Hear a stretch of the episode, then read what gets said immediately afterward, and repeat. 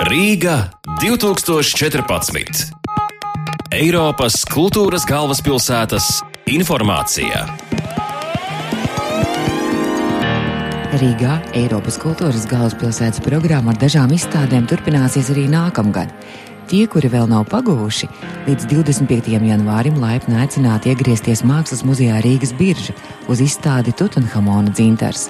Tās komplektu veido senās Eģiptes aizkapa kultu priekšmeti, kas mirušajiem tika doti līdzi pilnvērtīgai dzīvē viņā saulē. Par izstādes ideju, kas centrējas ap Tutanhamona kapenēs atrasto mazo Baltijas dzintaru gabaliņu, saules dieva rā simbolu, stāsta projekta vadītāja Daiga Upeniece.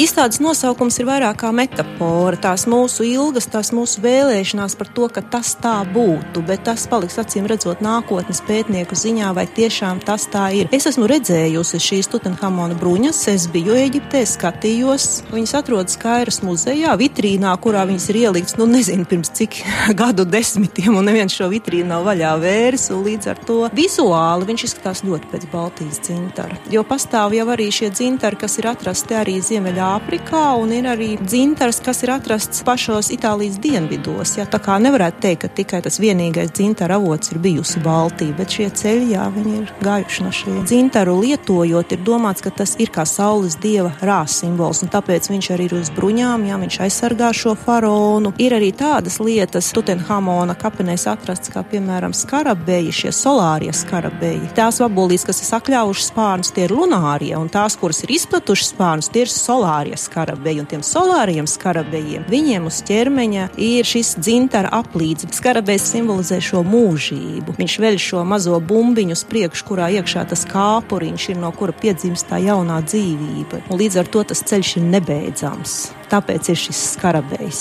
Bet viņiem nebija tik daudz tā dzintara, viņi bieži vien izmantoja akmeni, ko varēja atrast turpat tuksnesī, kas vienkārši izskatījās pēc dzintara. Ja? Un šādi akmentiņi, kas vienkārši izskatās pēc dzintara, Tutankamena kapenēs ir ļoti daudz. No sākuma, kad mēs skatījāmies grāmatas, mēs bijām sajūsmā un te un tur un tur vēl un kur beigās izrādījās, tas ir karmelis, tas ir cits akmens. Jā. Viņi vienkārši bija gribējušie, bet viņiem nebija bijis tik daudz tur tā dzintara, tik tie četri mazie gabaliņi uz tām bruņām. Mēs jau tā smejamies, nezinu, vai kāds bāleliņš ar sainītu uz muguras gāja šeit no mūsu Baltijas jūras krastiem uz Ēģipti. Es šaubos, vai tas tā notika. Ja arī kāds dzintara gabaliņš varēja nokļūt, es pieņemu, ka starp to brīdi, kad viņš sāka ceļot šeit no Baltijas līdz brīdim, kamēr nokļūt, tur varēja būt arī gadsimtu un paudzes. Un viņš vienkārši lēnām virzījās šajā dienvidu virzienā. Bet pilnīgi droši zinot, kad viņš bija Dienvidu Itālijā, jo tur ļoti cienīja augstu dzintaru. Tur jau tie mīti arī ir interesanti. Viņiem tas mazāk saule saistījās. Viņi uzskatīja, ja precētai sieviete ir šāds dzintara rotas, viņa nekad nespēs spērt soli pa kreisi, jo ar dzintara rotām viņa nespēs melot. Viņa tam vīram uzreiz atzīsies. Protams, dzintars arī skaists ir, bet patīkams sieviete ar tādām skaistām mirdzošām rotām.